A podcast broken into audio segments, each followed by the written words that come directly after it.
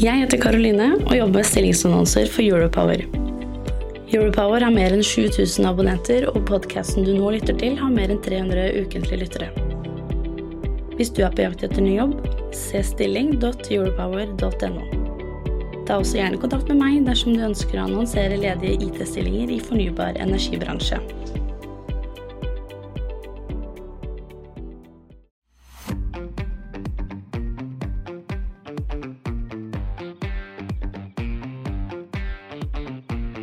Hei, og velkommen tilbake til eh, Europowers strømmarkedet på tre minutter.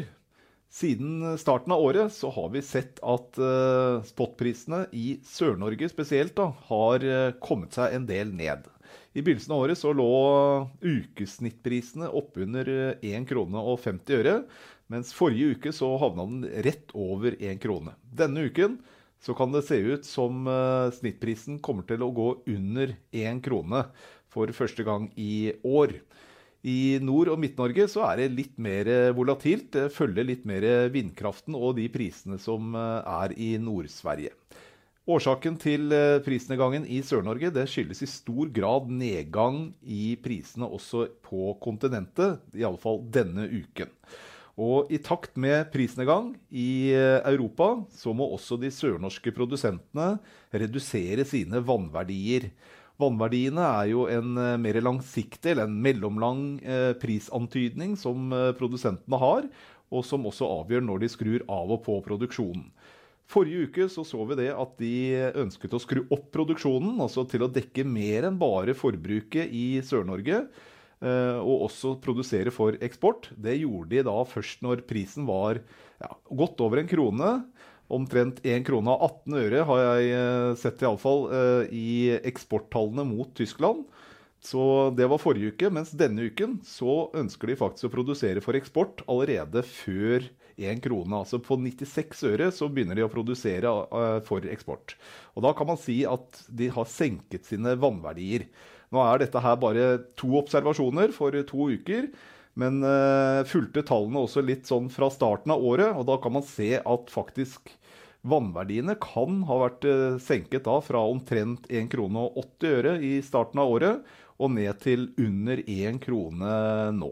Og dette her har jo noe med forventningene til prisene fremover, og hvilke priser de ønsker å produsere på. Og nedgang det ser vi også i prisforventningene for sommeren. Og siste måneden så har altså de nordiske eh, terminprisene for andre og tredje kvartal de har falt ganske kraftig. Og det følger med Tyskland, som den siste måneden har hatt en nedgang på omtrent 20% Nå ser det altså ut til at eh, markedsaktørene forventer en pris i Sør-Norge gjennom sommeren, altså de to neste kvartalene, på under én krone. Og det er sammenlignet med da samme periode i fjor, altså sommermånedene i fjor, så hadde altså Sør-Norge 2 kroner og 60 øre i gjennomsnitt.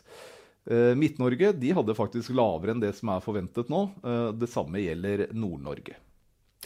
En annen ting som bidrar til å holde prisene iallfall i trenden nedover, er en bedring i det som kalles hydrologisk balanse. Altså det er en del av ressursene som vannkraftaktørene har tilgjengelig nå fremover. Og da ser vi jo på vannmagasinene. De er ganske normale, egentlig. Litt under normale i Sør-Norge for så vidt, men legger man på snøen i fjellet, som forventes å begynne å smelte nå fremover, som da skal sige inn i magasinene, så er ressurssituasjonen bedre enn det som er normalt. Og Det gir også indikasjon på at de må ha en høyere produksjon i vannkraftverkene enn det som da er historisk normalen. Det er med også å presse priser. En annen ting som også preger de nordiske prisene, er oppstarten av kjernekraftverket i Finland. Det startet opp også forrige uke.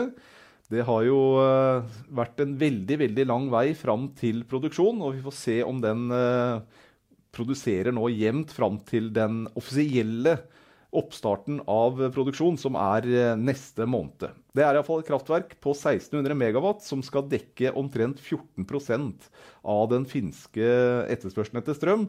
Og ifølge eieren TVO så skal det faktisk redusere importbehovet til Finland med hele 60% Følg med på Europower hver dag for å få med deg det siste, og på gjensyn.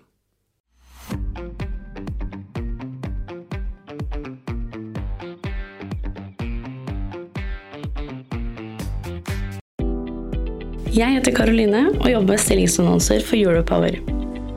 Europower har mer enn 7000 abonnenter, og podkasten du nå lytter til, har mer enn 300 ukentlige lyttere.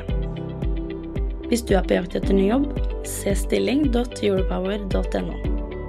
Ta også gjerne kontakt med meg dersom du ønsker å annonsere ledige IT-stillinger i fornybar energibransje.